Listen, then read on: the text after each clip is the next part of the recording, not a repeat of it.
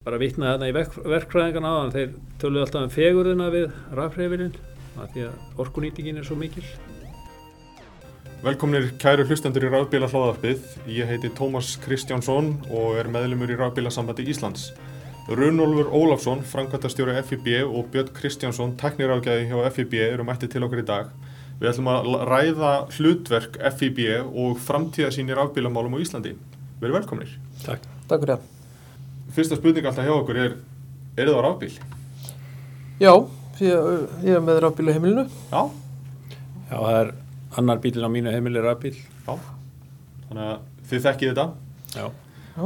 Hvert er hérna, eh, hvert er hlutverk FIB? Hlutverkið er margtækt í sjálfsögur en, en fyrst og fremst eru við, við hérna, samtök bifriðegenda á Íslandi og vinnum að hagsmunagæslu og neytendavend fyrir þeirra hönd og uh, svo í setni tíð hefur hlutverkið orðið víðara því að við afmörkum okkur með þá hugssjón að tryggja eiginlega ferðir félagsmanna og uh, þetta er það sem er kent við mobility á alþjóðamálum. Og þessi sýsturfélag okkar í, í veröldinu allri hafa verið að þróast í þá átt að tryggja reymanleika félagsmanna. Og uh, við sem félag höfum frá upphafi verið mjög opinn fyrir sko öllum tækninýngum sem lúta að ferðarþörfum félagsmanna og uh, strax um leið og til að mynda rafbílarnir fóru að vera almenn, almennir til nótkunna fyrir almenning þá tóku við því höndum tveim og höfum fagnat þeirri breytingu sem eru átt sér staðvarandi möguleika fólks til þess að fara í orkuskipti og hefum líka aðlagað þjónust okkar þannig að við getum synd þeim félagsmennum sem eru á rafbíl sem á öðrum félagsmennum. Já, er mikið að rafbílegundum í FIB? Já, já, já, það er mjög, við erum með tæmlega 18.000 félagsmenn já. og hlutfallslega erum við líklega með svona svipa fjölda innan okkar félagsandaka eins og hlutfall rafbílegunda er í landinu.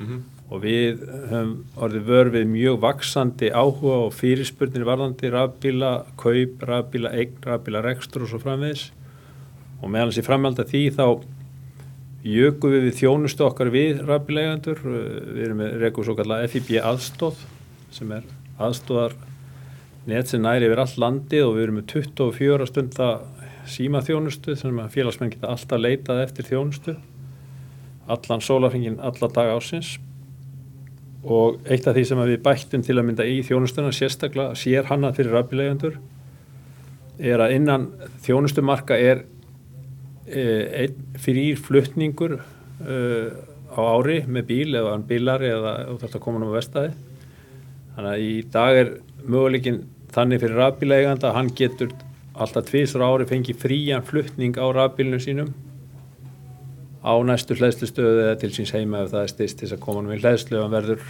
verður, hérna, verður orkuskortur um borð. Já, ef við förum aðeins yfir hérna, hver er svona algengustu spurningar sem eru að berast frá félagsmönum FIB varandi rafbíla? Fólk er mikið að velta fyrir sig hvort það borgi sig að kaupa rafbíl. Rafbílar eru ennþá dýrari samanborið við sprengirhefilsbíla þó að við munum sjá það breytast ört og við hefum séð að það hefur verið að þróast. Þetta hefur verið að draga saman en, en uh, auðvitað hjálpaði til þegar stjórnvöld ákvaðu að fella niður vörugjöld og, og hérna virðsökaskatt að hluta af rafbílum. Sem hefur hjálpað fólki til þess að taka þá frekar ákvörnum að eiga og reyka rafbíl.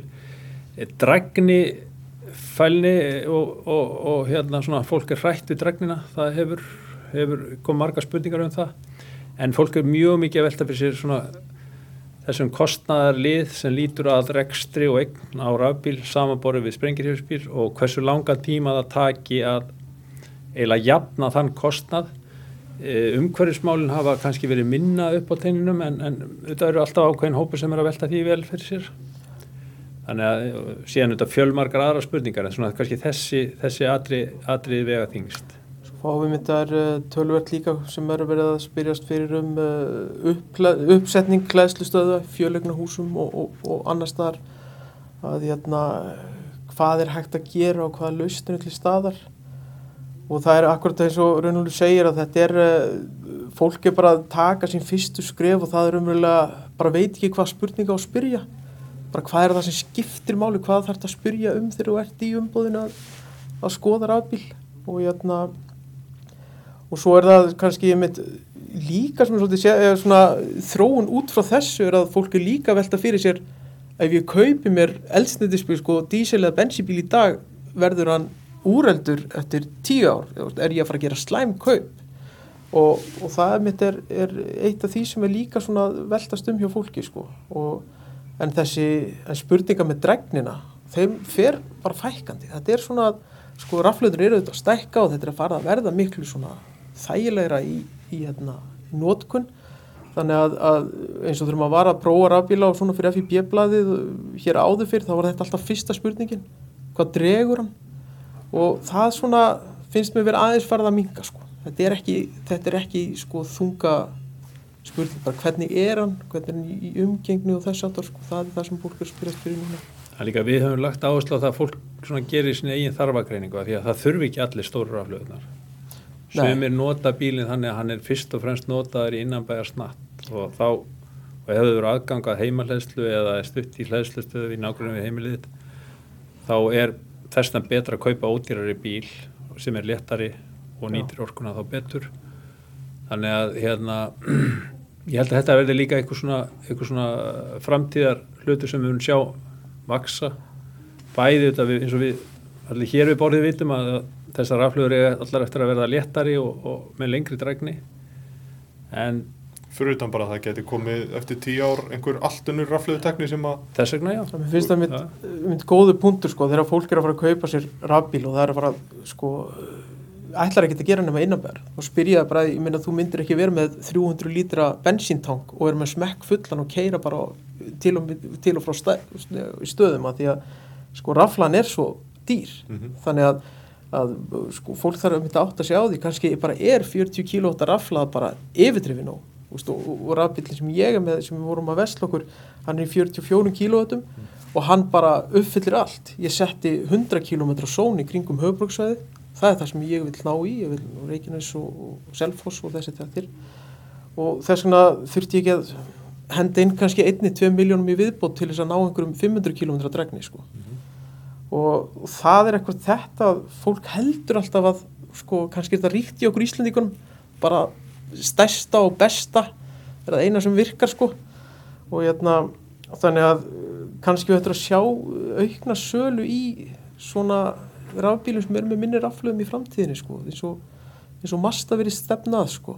þeir ætla bara að fara í minni raflöfur, þeir vilja meina ef þú ætlar að fara eitthvað lengra þá ferður bara í vilja meina að dísilvílinn sé betri sko, það er svona kannski það er auðvitað þeirra þeirra útreikningar sko. Sko svona sögulega því að hérna ég er nú elstur hérna og ég er búin að vera lengi í þessu að þá við reykum okkur sko alland aftur tíma þá vorum við að vinna með landvenda því að innleiða svo kallaða mótorhittara sem er algengir í nágrannlöndum okkar.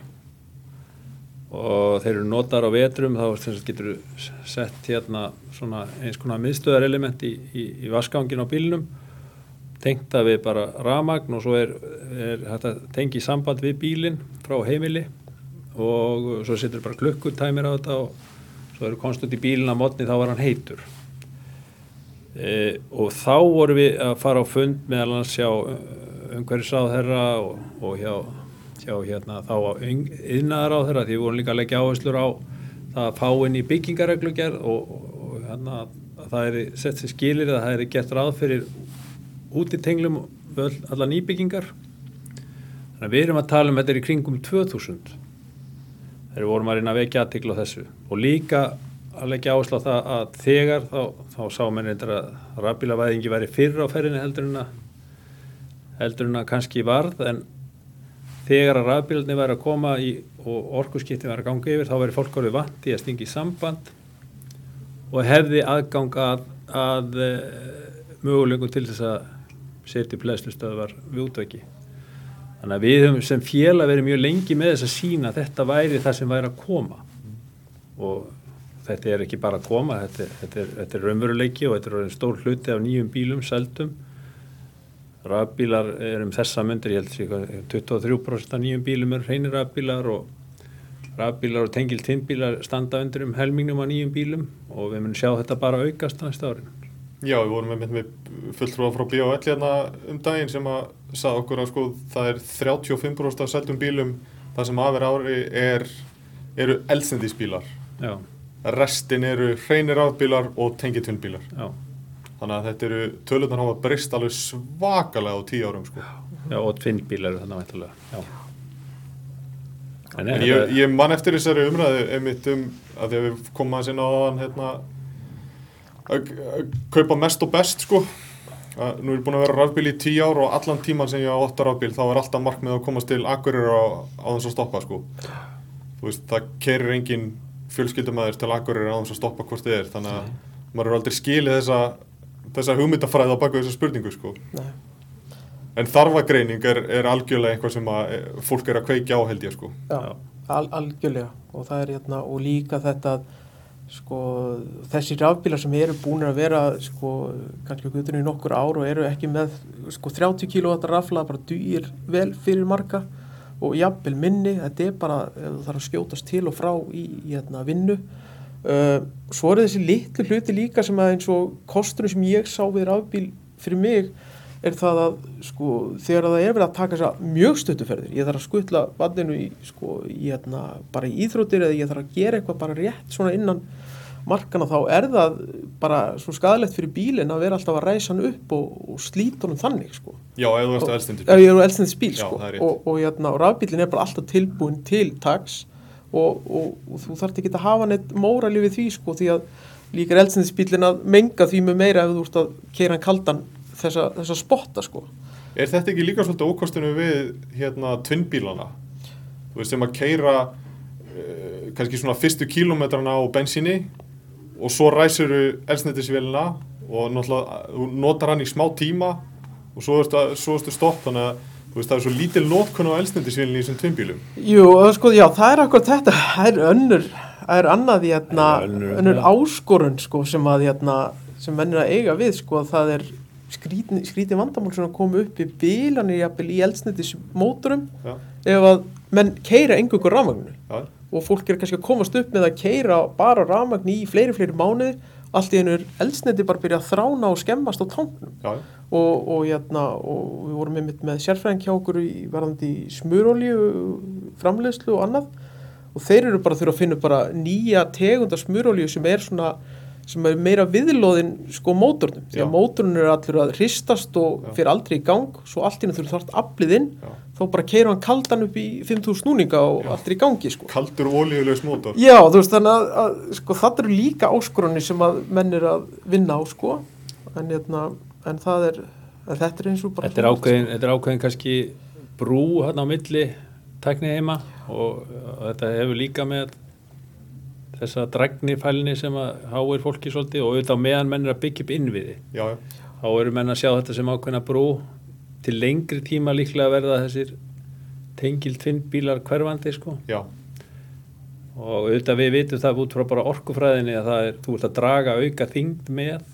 Þannig að það er svo fer ég frí með fjölskyldun og jafnvel með vagn í eftirdrægi og keirir á bensínu þá ertu með enn meiri eðslu á já heldur en í raun og veru ef þú væri bara á, þú veist, hreinum hefðbundin- eða eitthvað, skilur, einhverjum svona sparnetnum sem að dregur vel fell í þessi. bara, að það, er, það, er, það vinnur mjög illa gegn sko. Já, já, það er einmitt að og þetta er alveg svo í rauninni með metanbílana að, að e, það var ákveðin niðurfelling á gjöldum á þá og svo fluttu nokkur umbóðinn með bíla sem buðu upp á það að knýja á líka með metani en þá var kannski fólk á langanes að kaupa sér metanbíl en það hafði engan aðgang á metanni með að skappa í bæin já, og svo setna til akkurir en, en þú veist þannig að þá var það í rauninni ekki það var engin ávinningur af því að selja metanbíl þangað í rauninni sko. Nei, nei, og hefði ekki átt að vera gjaldfelling á því. Nei.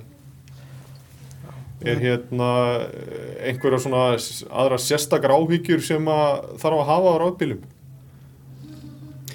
sko við höfum þetta er bara svona þættir sem eru hluta af ykkur sem er verið að innleiða og, og, og auðvitað er þetta, þetta er á, þó þetta sé búið að standa yfir í þennan tíma við, við Nissan Líf eiginlega brýtur svolítið múrin hérna varandi það að gera rafbíla almenningsegn en það er samt eigum við tölvert í land að ná upp bara þekkingu og, og, og, hérna, og skipulagi. Það er verið að byggja upp inn við hérna. Það skortir þetta víða á þannig að það sé meira svona akstus öryggi og eins og þú nefndir réttilega að við stoppum á leðin til akkurirar. Mm -hmm.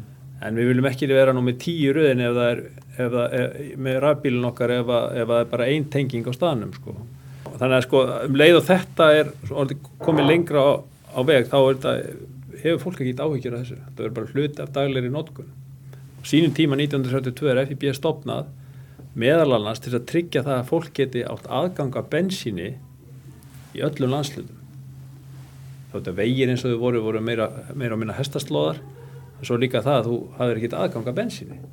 Þannig að þú kæmir í bílunum á okkur slóðum norður yfir heiðar har ekki vist að þú geti komast tilbaka því þú fyrst ekki bensín.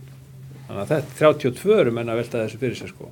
Að koma bara upp bensínaðstöðu hér og þar á landinu sko. þannig að við erum á vissan hátt sko hérna 90 ára aftur í tíman vorum við á svipuðum slóðum sko eða heldur lengra núna varandi rafbíluna sko, sem betur verið. Já þetta hljóma svona svipað eins og, og hlutverk rafbílasambatsins árið 2012 þegar það var að stopna Akkurat. og það voru korki meirinu minna en 20 rafbílar í landinu. Já. og 5, neða það var ekki einu sem búið að setja upp hérna hraðlegsli stöðanar þetta er mikið vattur unni til sjóðan en hvað finnst ykkur um til dæmis hérna, að því við komum að sinna á dáðan uh, uh, álögur ríkisins. Nú náttúrulega uh, engin, engin vörugjöld og það er, það er afsláttur að verið skattu upp á 6,5 miljón mm -hmm. það er það er ekki á dagskráni að þetta fari lengra heldur en 2023 eða 15.000 bílar sem að gerist mjög líklega á næsta ári. Þannig að það er klárlega verkefni fyrir næstu ríkistjórn að takast á við þetta. Já og ég, ég held að óbreyttu þá munum menn framlengja ykkur, með einhverjum hætti þessu.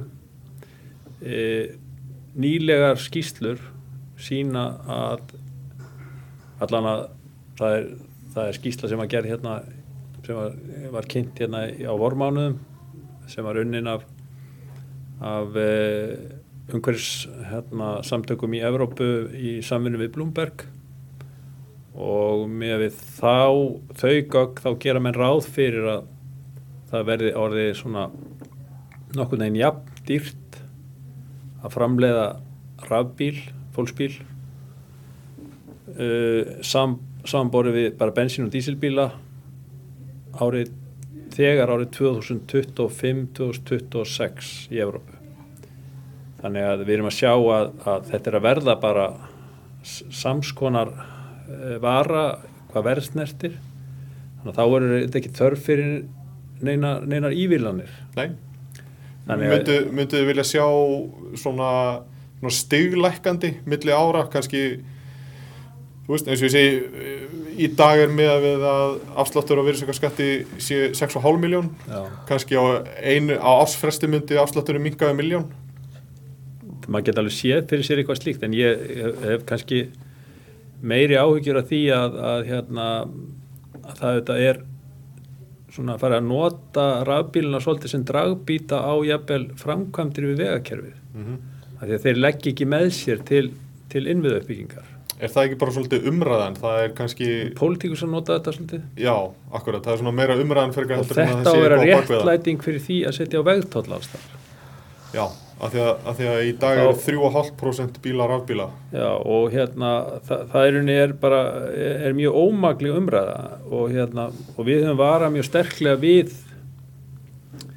við vegtóllum og það er bara ljóst að við erum í það litlu samfélagi og umferðar það lítil þó við höfum þessi umferðar handamál á höfðborgarsæðinu að eh, til að mynda vegtóllavæðing er óhemju dýrt það er óhefnir dýrt að vera að setja í begtólla hér þar á allstaðar og uh, þetta er bara eitthvað sem ávall að ræða en til dæmis kostnæður við það að uh, taka tollin í vaðlæðagöngunum er óhefnir mikil í, í kvalfjöragöngunum sko það fyrir því hver segir en alltaf að lámarki var kostnæður við, við innhenduna 15% af teikjónum að auki laðist virðsökarskattur og ná vegfærandur Þannig að peningarnir eru teknir upp úr vasaðabíleganda og við höfum alltaf haft að markmið að gera það þannig að það sé hægt að nýta fjármagnir sem best það sé ekki verið að búa til einhver lítil félug sem er að innhemta hér þar og allstaðar. Normenn fóru allt og langt í, þessu,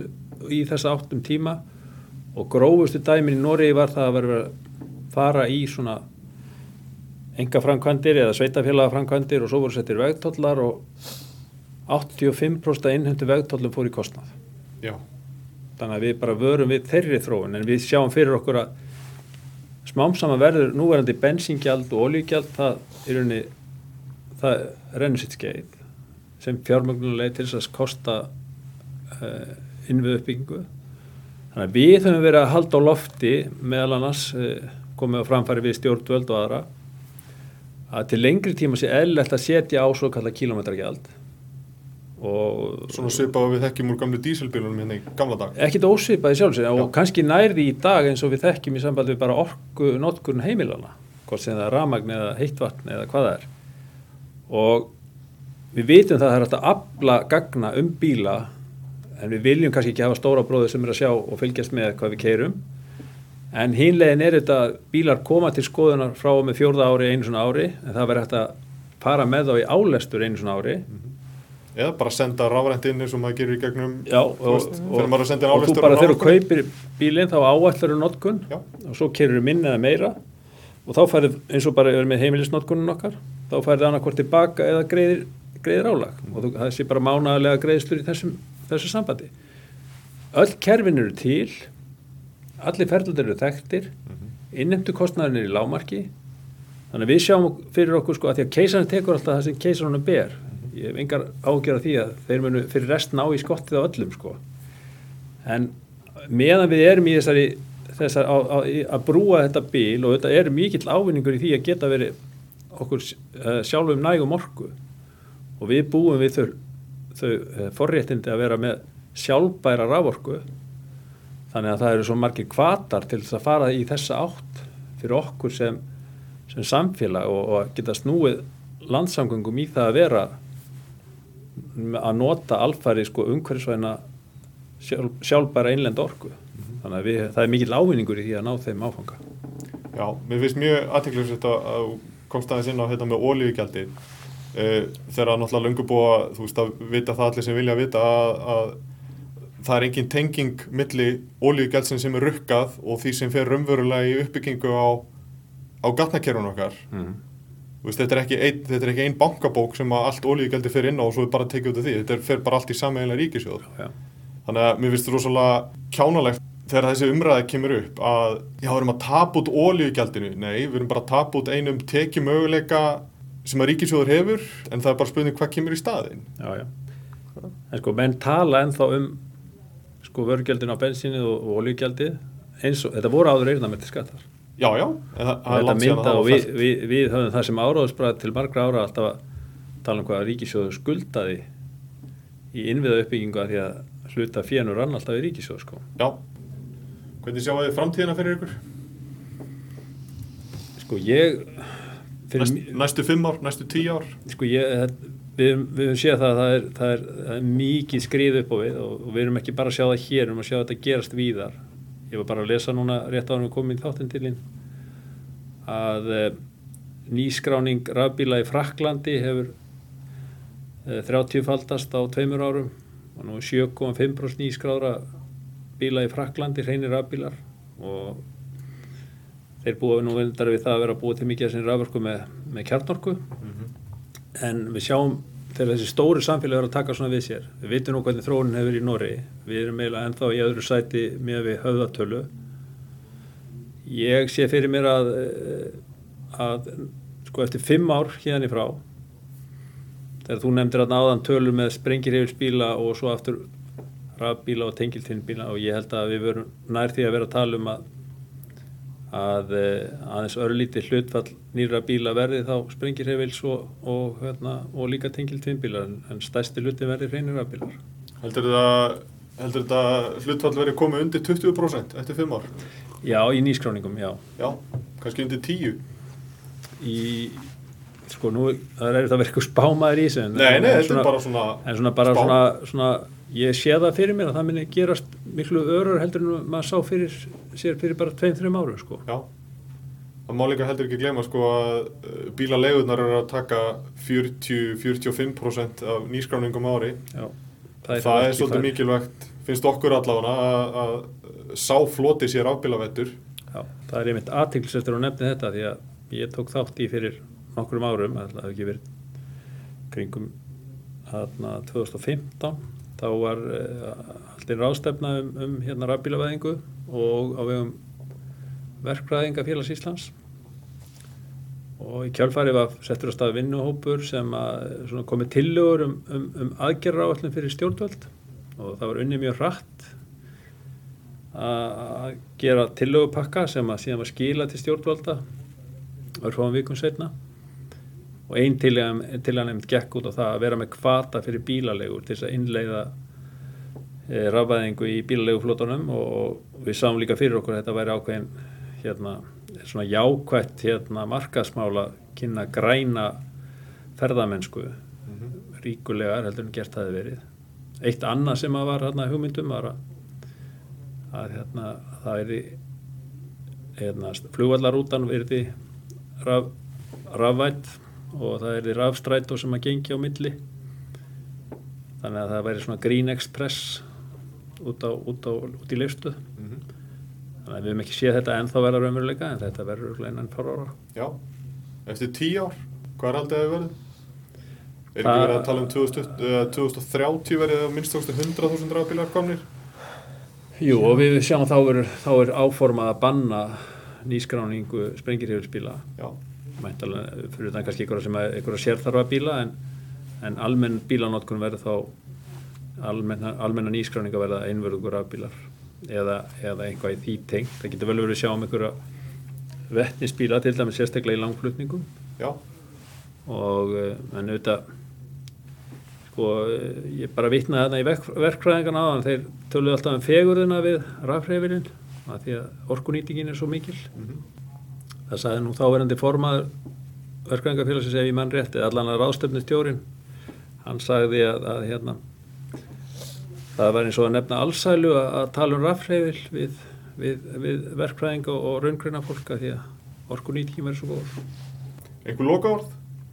Nei, bara við eh, viljum að það sé sem mest og best sátt um það að menn séu samtaka í því að fara í orkuskipti hérna og það er þetta margt sem þarf að gera en, en margt hefur áunnist en við köllum þetta bara til þess góðu samtala á milli allra aðila til þess að gera gera þessa vegferð sem greiðast það.